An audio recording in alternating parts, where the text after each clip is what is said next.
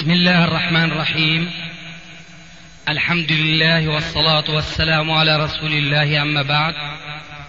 فهذا أحد أشرطة سلسلة الهدى والنور من الدروس العلمية والفتاوى الشرعية لشيخنا المحدث العلامة محمد ناصر الدين الألباني حفظه الله ونفع به الجميع.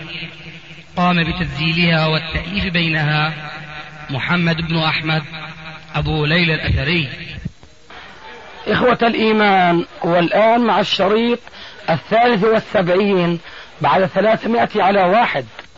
أنا شخصيا بناء على تلقي من القراءة من والدي ثم بناء على ما قرأت من رسائل تتكلم حول النطق بحرف الضاد تبين لي أن العرب أنفسهم يختلفون في النطق بالضاد نعم. وأن الضاد الشامية والضاد المصرية تختلف تماما عن الضاد العراقية والضاد النجدية والنطق بهذا الحرف أقرب إلى الصواب على الوجه الذي يتكلم بها ويقرأ بها أهل نجد وأهل العراق من النطق الذي ينطقه المصريون والشاميون ابن الجزري هذا ممكن تحكي النطقين يا شيخ إيه. ابن الجزري هذا له يقول في أرجوزته والضاد باستطالة ومخرج ميز عن الضاء وكلها تجي. وأنا في أول نشأتي العلمية خاصة بعد أن قرأت على والدي وختمت القرآن عليه تلقيت الضاد على التوجيه الذي جاء ذكره في أرجوزة ابن إيش؟ قلنا الجزري. بالاستطالة فكنت أجلس في الدكان بعد أن يذهب والدي إلى الدار للقيلولة فأبقى فيها وحدي. فألفت رسالة صغيرة حول مخرج الضاد. وأذكر جيدا أنني وأنا جالس ذات يوم بعد صلاة الظهر في الدكان كان أمامنا طاولة للعمل لتصليح الساعة وعلى يمين الجالس للتصليح شباك نافذة صغيرة لتلقي الزبائن والمكالمة منهم. فجلست عدة أيام آه، أؤلف رسالة صغيرة في هذا المجال. وأنا مستقبل النافذة تارك العمل أبي راح للقيلولة ما في عنا عمل ضروري للاستعجال به. ذات يوم مر علي رجل معروف في الشام أو في دمشق أنه من القراء اسمه عبد الوهاب دبس وزيت لقب هذا. عبد الوهاب دبس وزيت فوقف على الدكان وسلم ورآني أنا ماني متوجه للعمل. متوجه إلى النافذة لأنني بسطت الكتب أمامي أدرسها وأنقل منها. فسلم علي ورآني لا أعمل في المصلحة أعمل في شيء كتب أمامي. قال لي ماذا؟ قلت والله أبحث في موضوع الضاد. وكنت وصلت إلى أمثلة ينبه فيها ابن الجزري أو غيره لا أذكر الآن بالضبط بضرورة تمييز الضاد عن الطاء في مثل قوله تعالى فمن اضطر اليوم المصريون وغيرهم يقولون فمن اضطر فكأنهم أدغموا الضاد بالطاء بينما الضاد حرف رخو والطاء حرف استعلاء فأدغموا الضاد الرخوة بالطاء. هذا خطأ فاحش. عجبت أنني لما أسمعت هذا المثال وقف الشيخ دبس زيد وهو من القراء المشهورين هناك فأخذ يقرأ ويلحن كأنه يدغم الضاد الطاء قلت يا أستاذ ابن الجزري يقول والضاد باستطالة ومخرج ميز عن الضاء وكلها تجي. أولا قال باستطالة. الطاء ليس فيها استطالة. لما تنطق بالطاء ساكنة تقول لكن لما تتكلم بالضاء الرخوة مش الضاد. الرخوة الضاء تقول أو. الصوت يخرج من بين الثنايا. أما الضاد فهي تشترك مع الضاء في هذه الاستطالة ولكن تتميز عنها بالمخرج لأن مخرج الضاد الصحيح هو بإلصاق حافة اللسان بالأضراس. أما الضاء فبالثنايا. أما الضاد الشامية والمصرية فهو بلصق رأس اللسان بسقف الحلق. هذا خطأ. فهو أخذ يتك... يقرأ الآية فمن يض... يضيق صدره ولا يستطيع أن يتلفظ بها إلا بالإدغام وهذا خطأ. ولما كانت المشابهة موجودة بين الضاء الرخوة والضاد الرخوة بحيث يختلط أحيانا النطق بالضاد فتنطق كالضاء أمر هذا القارئ الجيد بتمييز الضاد عن الضاء لأنه في مشابهة. أما ما في مشابهة بين الضاد والطاء فأنت بالعكس تضغم الضاد في الطاء وهذا خطأ.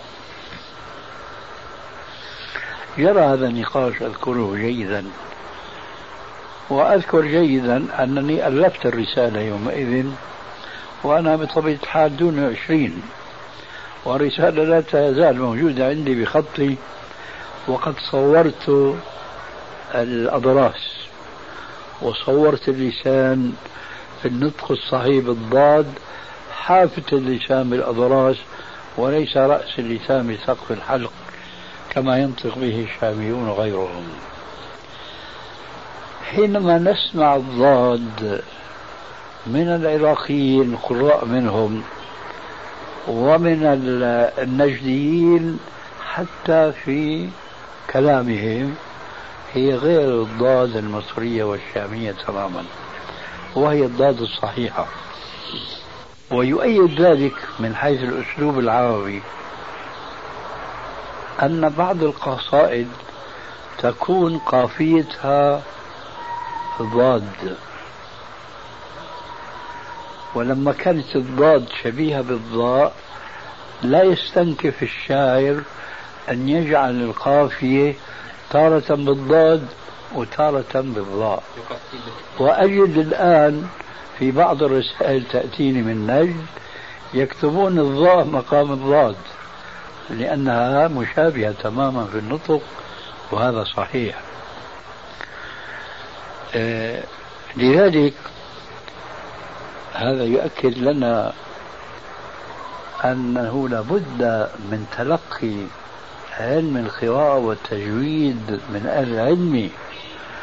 فالمصريون مثلا والدمشقيون يخطئون في النطق بالضاد فمثلا الفاتحة التي تقرأ في كل ركعة من الصلوات الخمس عندنا في سوريا وغيرها يقولون ولا الضالين. هذه ضاد ليست إلا دالة مفخمة كما يقول علماء التجويد. أما الضاد العربية الصحيحة والتي يدندن حولها ابن الجزري ومن شرح كلامه فهي ضاد رخوة يقترن معها الاستطالة بحيث لو أراد الإنسان أن يمد نفسه بالضاد ولا الضالين لاستطاع خلافا للضاد الشامية فإنه ينقطع وينصدم. ففرق بين من يقول ولا الضالين ولا الضالين وبين من يقول ولا الضالين. فهي مخرجها من حافة اللسان ملتصقة بالأضراس وبين من يضع رأس اللسان في سقف الحلق هذا المثال وحده يؤكد أنه لابد من أن يتلقى القراءة هذه من أهل الاختصاص ولا تترك للسجي والطبيعة لأنها تختلف من بلد إلى آخر. الأتراك مثلا لعجزهم عن النطق بالضاد العربية الفصحى تسمعها منهم ضاء خالصة ولا الضالين. مخرجها بين الثنايا بين الأضراس وحافة اللسان. ويقول علماء التجويد بأن من مزايا عمر وخصوصياته أنه كان يخرج الضاد من طرفي اللسان. حافتي اللسان كأن ربنا كان عاطيه امتداد في عرض اللسان فيمده يمينا ويسارا فيخرج الضاد رخوة جدا ومطابقة للوصف الذي يذكره الجزري وغيره. فإذا الحقيقة أن علم التجويد لا يتقن إلا بالتلقي ولكن نحن بحاجة إلى علماء ليسوا مقلدين في علم التجويد ويعرفون من أين جاءت هذه الأحكام وغالبها هو التلقي ولكن هل هذا التلقي متصل ولا منقطع؟ فقد يكون هكذا وقد يكون هكذا. لكن الجواب البات في الموضوع يحتاج إلى أهل اختصاص وأنا جرت بيني وبين بعض علماء التجويد هناك في دمشق لقاءات في سبيل الحصول إلى هذه الحقيقة لكن مع الأسف ما كنت أجد ضالتي. فهم يعلمون كأكثر القراء اليوم هكذا تلقوا. أما من أين جاءت هذه الأحكام؟ فما يعرفون شيئا منها لذلك فأنا أنصح آه، علماء النجديين بأنه يجب عليهم أن يعنوا بتلقي دارس قرآن من أهل الاختصاص لكن عليهم أن يختاروا منهم من هم أقرب إلى السنة وليسوا من الذين يقرؤون القرآن على الموازين الموسيقية يصعدون ببعض الآيات ويهبطون ببعض الآخر وقد يمدون ما لا يستحق المد ويقصرون ما قد يمدون ما لا يستحق المد ويقصرون في ما يستحق المد وهكذا. السبب أنهم يراعون القوانين الموسيقية. وهذا بطبيعة الحال لا يجوز وهذا مما نهى عنه أئمة السنة كالإمام أحمد وغيره فنهوا عن قراءة القرآن بالتلحين والتمطيط ونحو ذلك من المخالفات. هذا ما عندي حول هذا. حفظكم الله توجيه للشباب. نعم.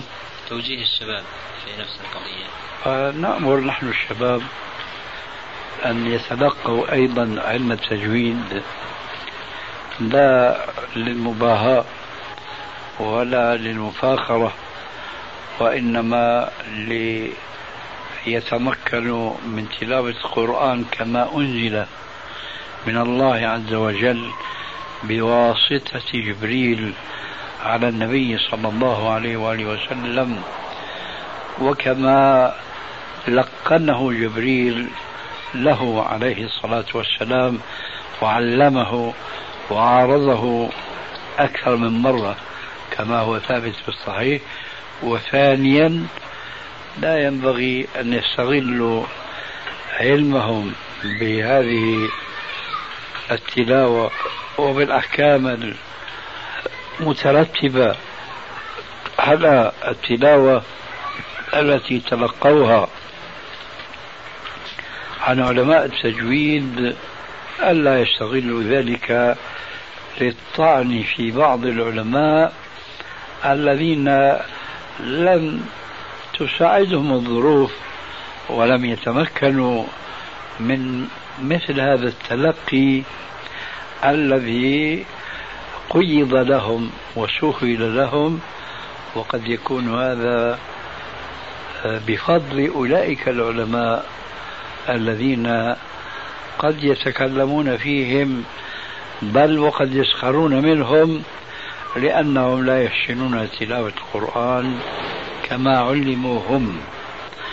فوصيتي لهؤلاء الشباب أن يتعلموا الأحكام هذه لتساعدهم على تلاوة القرآن كما أنزل كما ذكرت آنفا.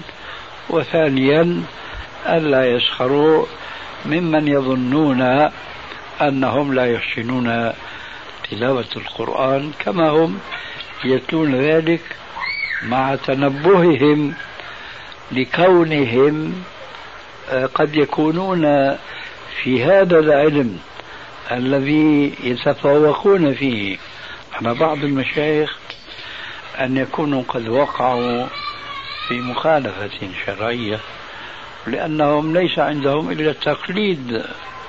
فننصحهم أن يدرسوا هذا العلم دراسة تبصر وتفتح حتى يتمكنوا من تمييز حكم عن حكم آخر كما قلنا بالنسبة للأحكام الشرعية فكثير منها تخالف السنة.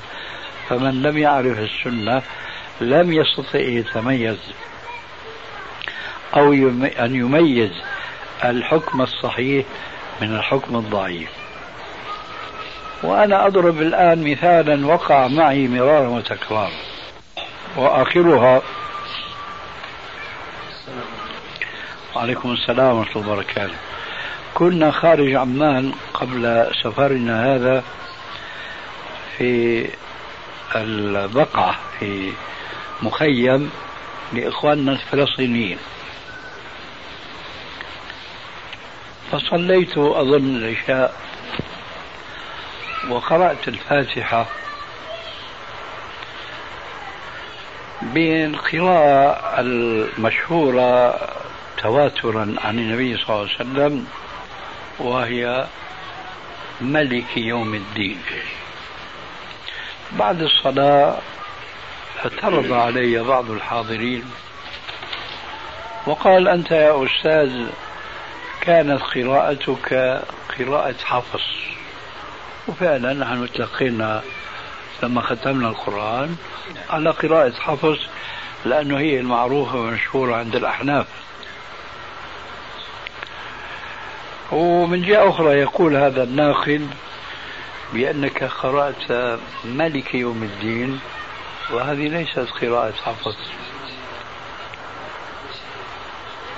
ولا يجوز إلا أن تلتزم قراءة من القراءات المتواترة.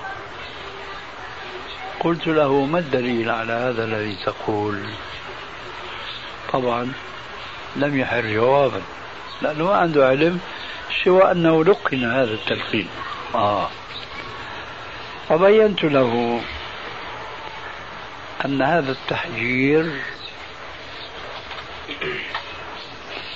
تماما كقول بعض الفقهاء أن من كان حنفي المذهب فلا يجوز له مثلا أن يرفع يديه في الصلاة عند الركوع والرفع منه. لأن هذا خلاف المذهب. فقلت له هذا القول خلاف المذهب لكن ليس خلاف السنة. وما الذي يضر الحنفي؟ الذي عاش سنين في مذهب الأحناف وقد يكون معذورا في ذلك لأنه لا لم يتح له أن يدرس الفقه على طريق الكتاب والسنة.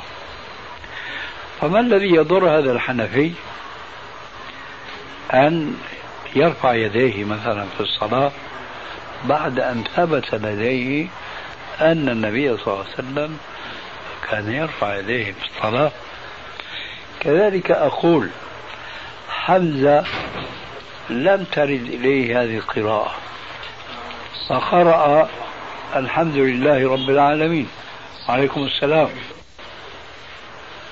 لكن أنا الذي قرأت القرآن وختمته على قراءة حفص وهو يقرأ رب العالمين.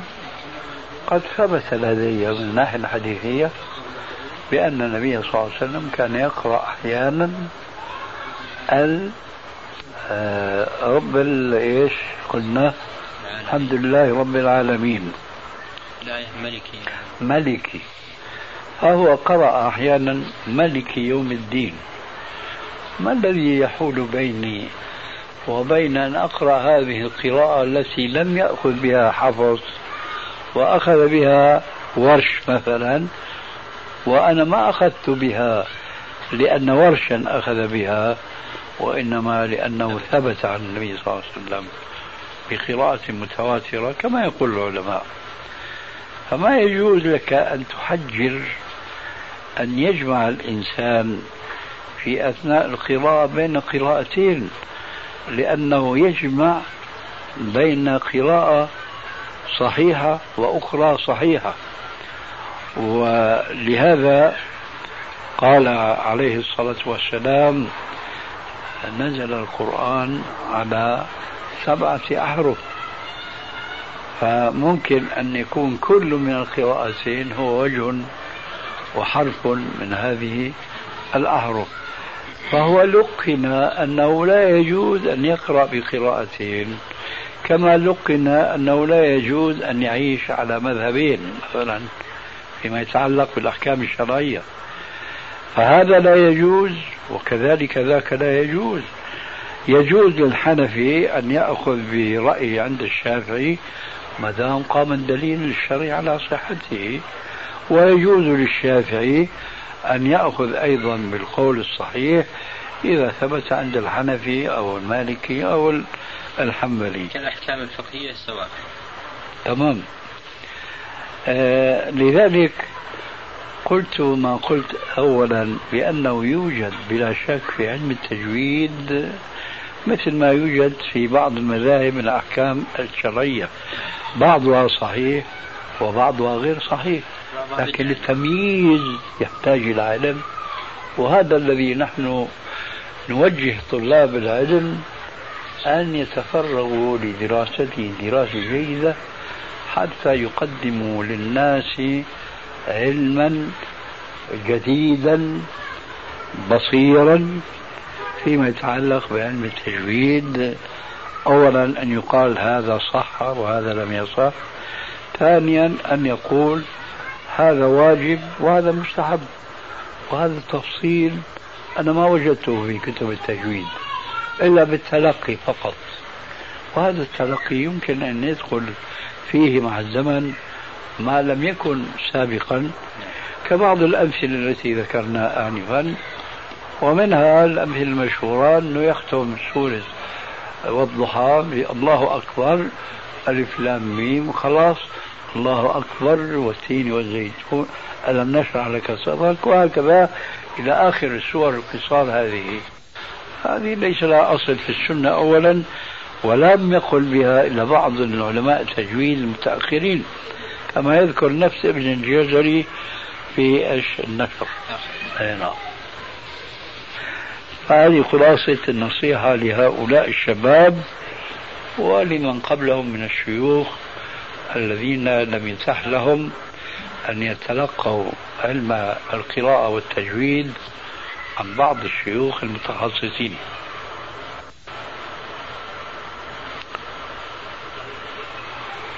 كيف حالك؟ ساق طيب. الحمد لله الساعتين الآن أصبحت ساعة. طيب نستريح قليلا إن شاء الله. يقول تعذرنا نحن ثقل يا شيخ. فرصتنا معك محدودة. عفوا. أنا لا يزعجني مثلك أبدا. جزاك الله خير. كطالب علم قوي إن شاء الله. ذلك. ويريد أن يتفقه في دينه. ذلك من حظي أنا. من حظنا نحن يا شيخ. الله يبارك فيك. الله. تعال يا أبا ليلى. أوقف تسجيلك. السلام عليكم.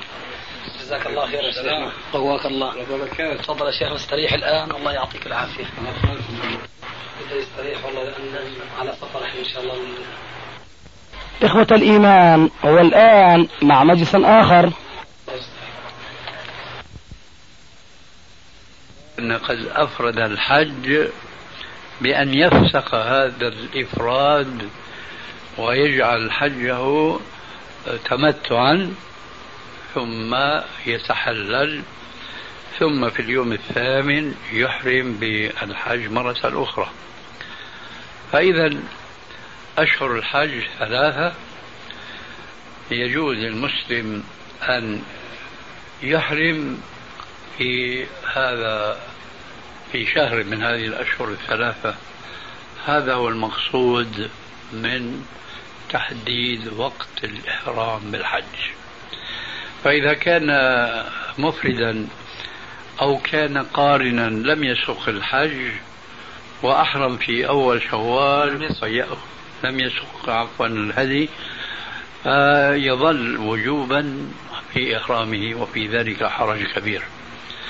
أما إذا كان آه، لم يسق الهدي القارن إذا كان لم يسق الهدي فحكمه حكم الحاج الذي أفرد حجه فلا بد من أن يفسخ الحج إلى عمرة. ولذلك كان الأشرع والأيسر إنما حج التمتع لأنه يبدأ بالعمرة فيتحلل منها في ظرف يوم أو يومين ثم ينتظر حتى يدخل اليوم الثامن الذي هو يوم التروية وهو الذي قبل عرفات ففي هذا اليوم يحرم مجددا بالحج بعد أن كان قدم بين يدي هذا الحج العمرة كما هو شأننا اليوم. هذا جواب ما سبق من السؤال. جزاك الله خير وإياك يعني هو لما جاء صهره إلي وعرفت منه أن الشيخ آه، في مكة. قلت له سأزوره إن شاء الله. فالظاهر أنه أبلغه. نعم. عجل بالخير. بارك الله. وجاء زائرا. كنت التقيت فيه من قبل شيخنا؟ آه.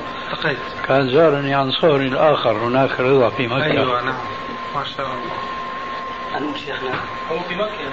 الشيخ ابن عثيمين. مين؟ في مكة هو الشيخ بن عثيمين. أي هلا في مكة؟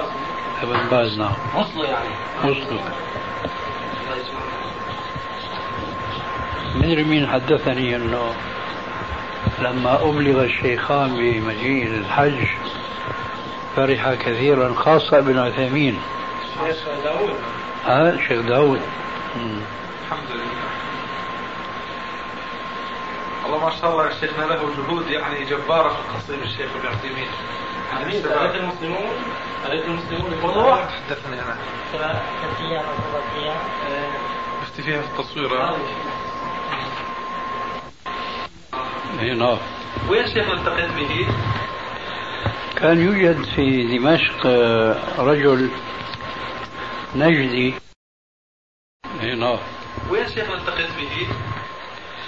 كان يوجد في دمشق آه، رجل نجدي تاجر كبير وإلى محل في الحريقة منطقة الحريقة. نعم.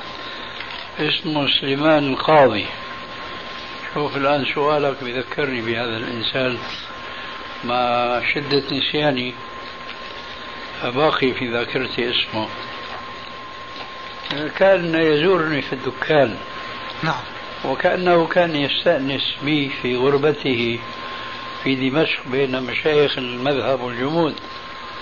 وكان قلما يجد رجلا آه، سلفيا في تعبيرنا وموحدا في تعبيرهم. نعم. فكان يستأنس بي كثيرا ويتردد علي في دكاني. ويتصل بي هاتفيا في كثير من الأحيان. يسألني. ذات يوم آه، اتصل بي ما عاد أذكر شخصيا أم هاتفيا فقال لي الشيخ عبد الرحمن السعدي عندي وهو يريد أن يتعرف عليك. فقلت أنا إن شاء الله آه، آتيك. فجمعني معه في داري هذا سليمان القاضي. هي رجل فاضل حقيقة. يعني عالم آه، سلفي نستطيع أن نقول وليس ككثير من علماء نجد. نعم. ما جرى ما تذكرون ابحاثا معينة جرت؟ لا ما أذكر. وأظن ما في شيء. سوى يعني مودة إيه كويس. حياك الله يا رب. إيه ماشي تمام. ما تذكر. صعب إني احدد سنين قديما. كم صار له مية شيخ تقريبا؟ ما أدري. 20 20 سنة. يعني في لعله قبل 30 عاما. في الحدود لقائي اياه آه. إيه، لا شك في أكثر من هيك الشيخ بن باز من تلاميذه برضه كان في القصيم شيخ بس في الرياض. الشيخ محمد إبراهيم شيخنا. محمد بن إيه، إبراهيم. كان لقائي له حينما زرته. آه، أول ما جئت الرياض مع الفوج السعودي. يوم شفت الشيخ محمد إبراهيم والشيخ ابن باز. نعم. ما كنت أعرفهم سابقا وفي مقدمة صف الصلاة. على الغزالي طبعا جديدة اي نعم. وبعضها في مختصر البخاري. نعم. وبعضها في مقدمة مسلم أو تعليق في بعض على بعض الأحاديث. يعني أنا بغتنم فرصة وبرد عليه يعني. نعم. أما أني أفرغ وقتا للرد عليه ولتتبعه في زلاته في ذاك الكتاب الخطير هذا الواقع يحتاج إلى فراغ. لأن نحن معطلين آه، كتاب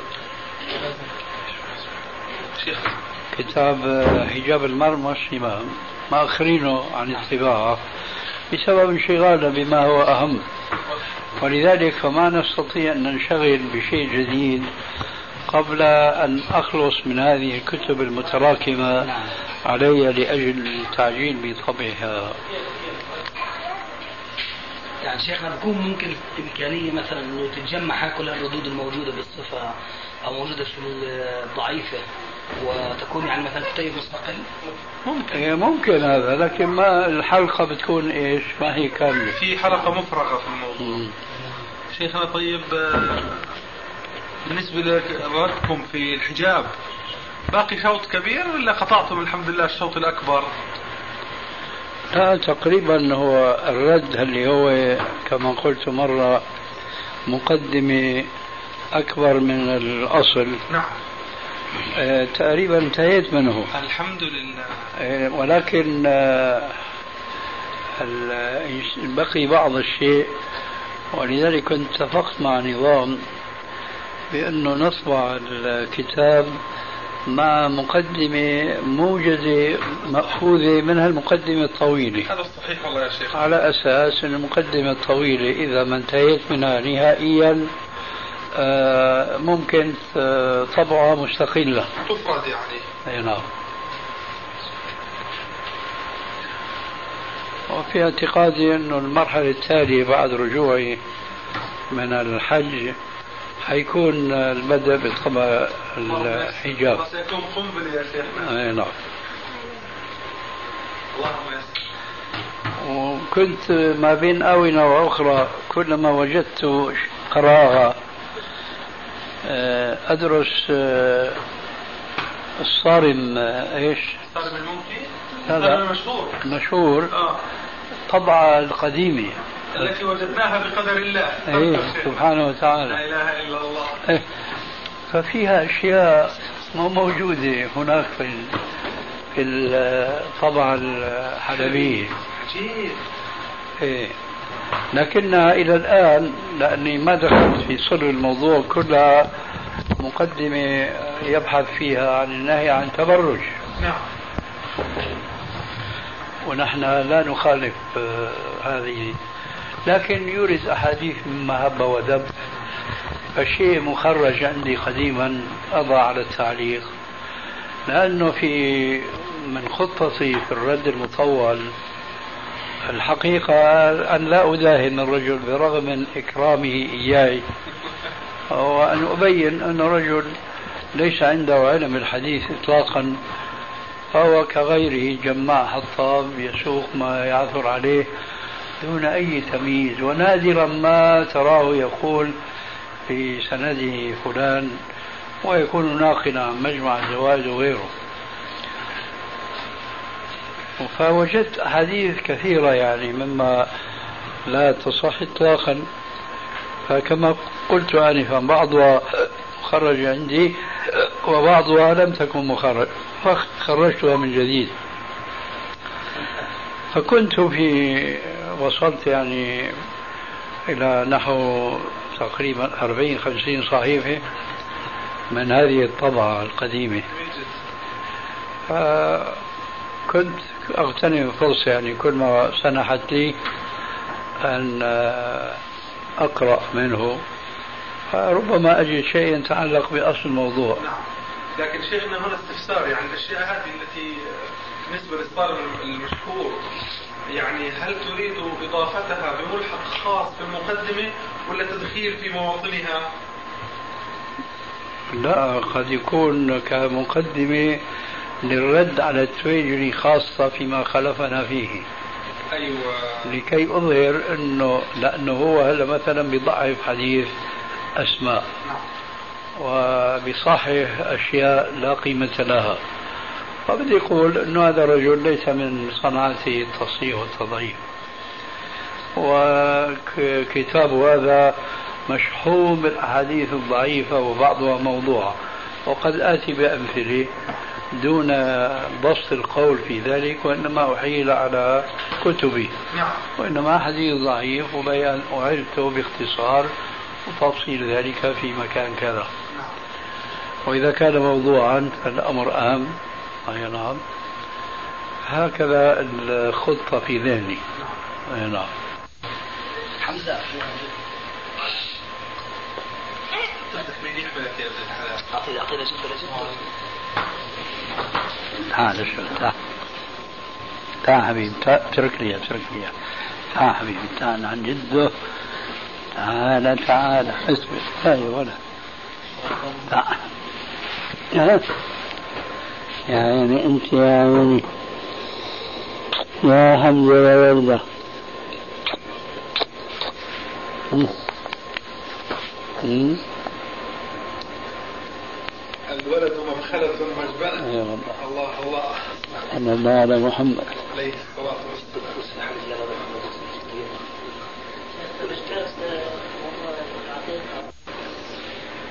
صلت علينا أبا ليلى.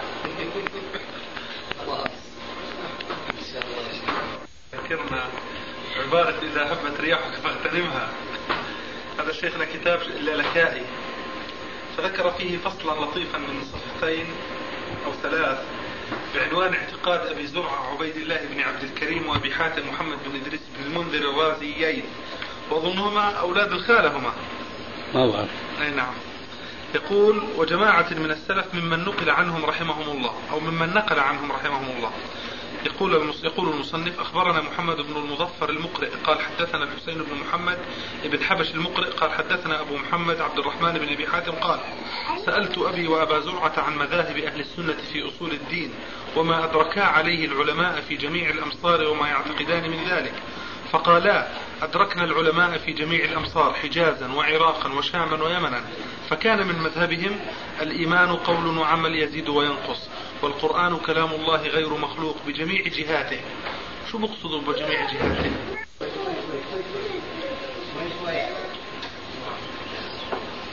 اللي بتبادر للذهن من العبارة الجديدة علينا. هي بمعانيه وألفاظه. بمعانيه وألفاظه. وقد يقال بالكلام الأزلي والكلام كما يعبر شيخ الإسلام آه، حلول الحوادث هي يعني أن الله يتكلم كما يشاء متى يتكلم متى يشاء. هذا لعله. نعم.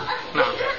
والقدر خيره وشره من الله عز وجل وخير هذه الأمة بعد نبيها عليه الصلاة والسلام أبو بكر الصديق ثم عمر بن الخطاب ثم عثمان بن عفان ثم علي بن أبي طالب عليهم السلام. ما دام شملهم. شملهم.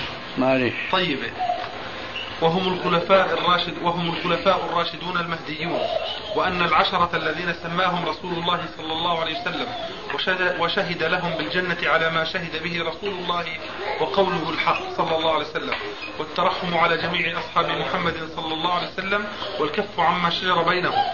وأن الله عز وجل على عرشه بائن من خلقه كما وصف نفسه في كتابه وعلى لسان رسوله صلى الله عليه وسلم بلا كيف. أحاط بكل شيء علما ليس كمثله شيء وهو السميع البصير. وأنه تبارك وتعالى يرى في الآخرة يراه أهل الجنة بأبصارهم ويسمعون كلامه كيف شاء وكما شاء. والجنة حق والنار حق وهما مخلوقان لا يفنيان أبدا. والجنة ثواب لأوليائه. والنار عقاب لأهل معصيته إلا من رحم الله عز وجل. والصراط حق والميزان حق له كفتان. نعم. أنا أتني شيء من كلام هذا الخطيب أو الواعظ بعد الصلاة. نعم شيخ. هل لاحظتم عليه شيئا؟ آه لاحظت عليه بس الاستدلال بحديث آه فرعون وهامان. طيب غيره. هذا الذي أذكره. وأنت فهمت كلامه كله. لا والله مش كله شيخنا في آخر خمس دقائق يعني تعبت. ف السلام ورحمة الله. ركنت على جانب كما يقال. آه شيء آخر ما لاحظته. ما لاحظت أنا أخذت عليه شيئا كعادتي. يمكن شاهد التمتع ما يعني ما شاء الله. إيه، بس شاهد إنه كله مثل بعض جاب الإفراد والقران نعم. حقيقة نعم شيخ. آه لعلكم تذكرون لما حض على صلاة الضحى وذكر أن صلاة الضحى ب 360 حسنة. هذا خطأ فاحش. نعم. الحديث على كل مفصل أظن. لا مش هذا مقصود نعم. المقصود هو كلامه كله سليم. إلا في لفظة حسنة لأنه هي صدقة والصدقة بعشر أمثالها بعشر حسنات. فلما عادلها بحسنة معناها خسرنا تسعة في كل مقابل حسنة. لا إلا الله. نعم فتمنيت لو أنه يعني أتيح لي. أنا والله لو انتبهت أنه سلم عليك كنت لفت نظره إلى هذه لأن هذه مسألة لا ينبغي الاختلاف فيها. سبحان الله نعم. أما مسائل أخرى وخاصة إذا كان من أهل التوعية فهو موجه يعني. أي نعم. موجه أنه أن لا يواجه المجتمع. موعى خالص. أن لا يواجه المجتمع يقول له بشيء لا يتحملونه. مثل ما فعلنا اليوم مثلا أنه لا ما بصير حج إفراد بدون إيش عمرة. بدهم يسلكوا الأمور يعني حتى ما يصير في مجابهة بين الوعاظ وبين الجمهور. لكن هذه ما بيصير فيها خلاف حينما يقال خسرتنا مقابل كل حسنة تسعة. وهذا حصل عن بين الكلام واحد خطب بعد الصلاة هنا. شيخنا ثم يقول أيوة. والم- والصراط حق والميزان حق له كفتان توزن فيه أعمال العباد. حسنها وسيئها حق. والحوض المكرم به نبينا صلى الله عليه وسلم حق. والشفاعة حق. والبعث من بعد الموت حق. وأهل الكبائر في مشيئة الله عز وجل. بس على الشفاعة يجب التعليق نعم. بأنها تشمل تاركي الصلاة أيضا. طيب هذا هو معلوم إذا هبت مسلمون بك أيوة، فعافى صحيح. إذا هبت رياحك فاغتنم. آه، وأهل الكبائر في مشيئة الله عز وجل. سمعت يا شيخ داوود هذا التعليق؟ هذا هو؟ وهو أن الشفاعة تشمل أيضا المسلمين التاركين للصلاة. أيوة. ولذلك فنعتبر إطلاق القول بتكفير تارك الصلاة غلو لمشايخنا في هذه البلاد. غلو ممقوت غير ممدوح. هناك حديث الذي هو العهد بينه إيه حديث. كيف؟ العهد الذي بينه وبينهم الصلاة ومن تركها نعم هذا حديث صحيح. العهد الذي بينه وبينهم الصلاة ومن تركها فقد كفر إيه نعم. قد يكون كفر كفرا اعتقاديا فيكون الحديث على ظاهره وقد يكون كفر كفرا عمليا فحينئذ يؤول بأنه يعمل عمل الكفار الذين لا يصلون. وليس كل حديث جاء فيه لفظ كفر بل ولفظ كافر الذي هو أبلغ من لفظ كفر فهو محمول عند أهل العلم على ظاهره. فقوله عليه الصلاة والسلام في خطبة الوداع في حجة الوداع قال لجرير بن عبد الله البجلي رضي الله عنه استنصت لي الناس. ثم خطب عليه السلام فقال آه، لا ترجعوا بعدي كفارا يضرب بعضكم رقاب بعض. وقد وقع شيء من ذلك مع الأسف. ضرب بعضهم رقاب بعض. فهل رجعوا كفارا فقوله عليه الصلاة والسلام في خطبته تلك لا ترجعوا بعدي كفارا يضرب بعضكم رقاب بعض. وقد وقع شيء من ذلك ضرب بعضهم رقاب بعض وجرت فتن لا حاجة بنا إلى أن نذكر بها. ولا أحد من أهل السنة والجماعة حقا يعتبر مقاتلة بعضهم لبعض على الأقل الفئة الباغية منهم ما اعتبروهم كفارا كما هو ظاهر الحديث. ولكن اعتبروهم آه، على خطأ أولا ثم جعلوا المخطئ منهم على مرتبتين. مرتبة أولى خطأ لا يؤاخذ عليه لأنه كان متوهما أنه على الصواب والخطأ الذي قصد الشر فهو بلا شك مأجور آه، ومع ذلك فهو ليس بالكافر.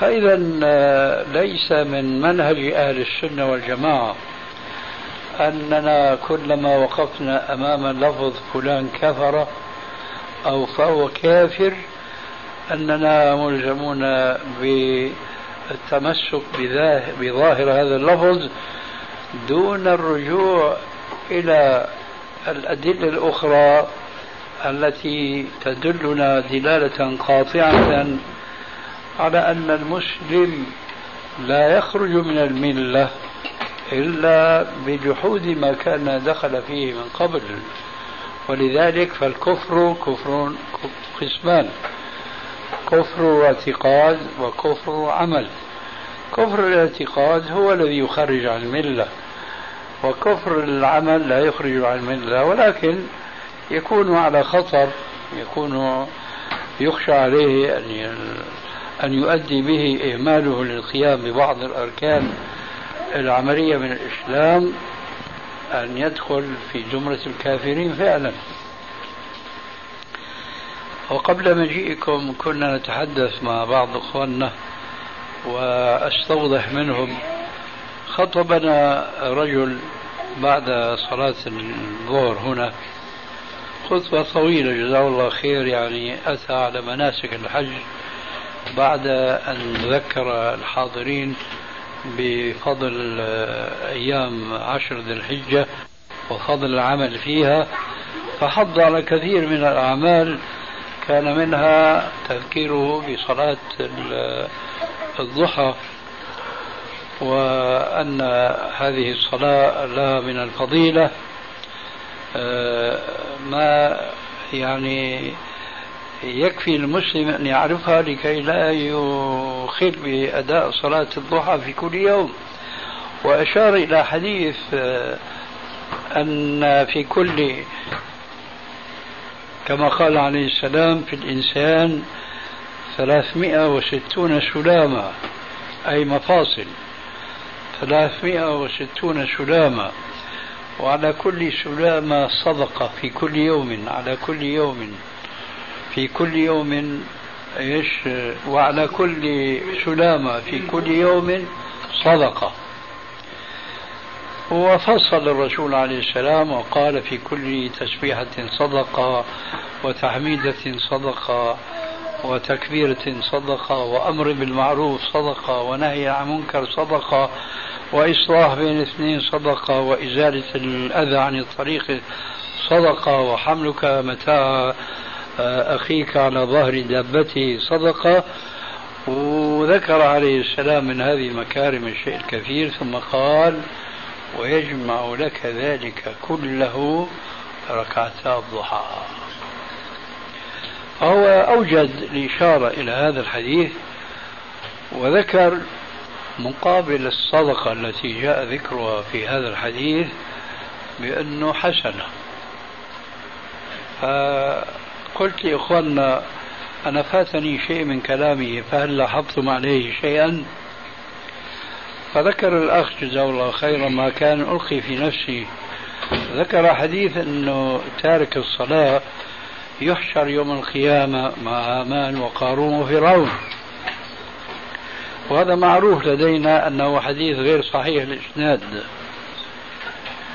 ساعتئذ ألقي لي ما كنت أردت أن أقوله بأنه من الأشياء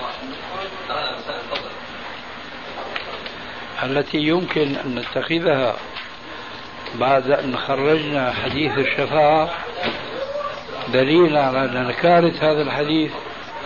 كيف يحشر مع فرعون وهامان؟ من تناله الشفاعة وأولئك لن تنالهم الشفاعة شيخنا الحديث في علة لا تذكرها منكم عيسى بن الصغر نعم. مجهول. فالشاهد أن لفظة الكفر تطلق ويراد بها الردة وتطلق ويراد بها مشابهة الكفار. فقول عليه السلام فمن ترك الصلاة فقد كفر ليس نصا قاطعا على أن كفره كفر اعتقاد أو لنقل على أنه كفر ردة عن الدين لأنه يحتمل المعنيين السابقين. كفر ردة وكفر عمل لأنه يشابه الكفار الذين لا يصلون. وإذ الأمر كذلك وكان قد ثبت أن الشفاعة تشمل تاركي الصلاة. يلا مر بها. لا لا بالضيق اللئيمة إخوة الإيمان والآن مع مجلس آخر. تفيد بالإضافة إلى أنه تعالج بمستشفى ابن نفيس عندنا في دمشق يومئذ أيضا ما استفاد شيئا. فلما أخبرني بذلك قلت له يا أبا سليمان شو رأيك تجرب تجربتي؟ قال لي يعني؟ قلت له يعني تصوم صيام طبي تمنع نفسك عن كل شيء اسمه طعام أو شراب إلا الماء الصافي. قال والله جربنا كل شيء وخلينا نجرب هذا. صام أيام نحو الأيام اللي صمتها أكثر شوي أو أقل لا أذكر جيدا. وأحس بالفرق. يعني شو كان يصيبه؟ يكون جالس في البيت تجي النوبة أي شيء أمامه يكسر ساعة قوارير زجاج كاسات صحون تذهب كلها هباء منثورة وهو لا يشعر. بعدين لما صام الصيام القليل شعر بالفرق. فصبر على نفسه شهور ثم عاد الكرة. فصام كم يوم أكثر من ذي قبل. وهكذا حتى صام في المرة الثالثة أظن. 34 36 يوم ما أذكر والله. المهم ما استطاع يكمل المشوار كله 40 يوما. لكن هذاك يوم وهذا يوم. الله شفاه. يعني. هو لابد من 40 يوم؟ هو لابد طبعا. لو اصل في الأثر هذا؟ كيف؟ لو اصل في السنة هذا؟ طبا طبا طبا. طبا. تجربيا تجربي وهذا يحكي لنا النكتة التالية. يقول قبل أن أحكي هذه النكتة صار الرجل متحمس لوصف هذا العلاج لكل مريض. فما يأتيه إنسان يشكو إلا يقول له صم. ويفهمه يعني أنه الصيام طبي ما هو شرعي. لأنه شو الفرق. الفرق أنه أنا مثلا بهالأربعين يوم. كان كان يخطر في بالي أشرب في وضح النهار أشرب. يعني ماني صايم صيام طبي شرعي. المهم فما يأتيه شخص يشكو له مرضا مزمنا إلا يقول له صم. صم. حتى جاءه شخص يشكو مرض أمه. ويقول الولد بأنه أصبحت الأم مقعدة طريحة الفراش لا يستطيع أن تخدم نفسها حتى إذا خرجت للحاجة. ولها ابنتان ممرضتان. ملتا مع أنهما ممرضتان. ملتا من خدمة أمهما. فلما سمع منه شكواه قال له أنا أدلك على العلاج. خليها تصوم قال له يا شيخ هي أصبحت كالعودة. فإذا قلناها قلنا لها تصوم. ما راح تصوم لأنه تخشى على نفسها الموت. قال له صوموها رغم أنفها. كيف؟ قال حطوا له ابريق الماء قدام الطاولة والكاسة ودعوها. خليها تصيح. فأظهر الولد آه، شفقته على أمه. قال له حاجة بقى الحكي بيناتنا؟ مالكم مصدقين تموت؟ من كثر ما عذبتكم يعني بمرضها. هلا خايف تموت؟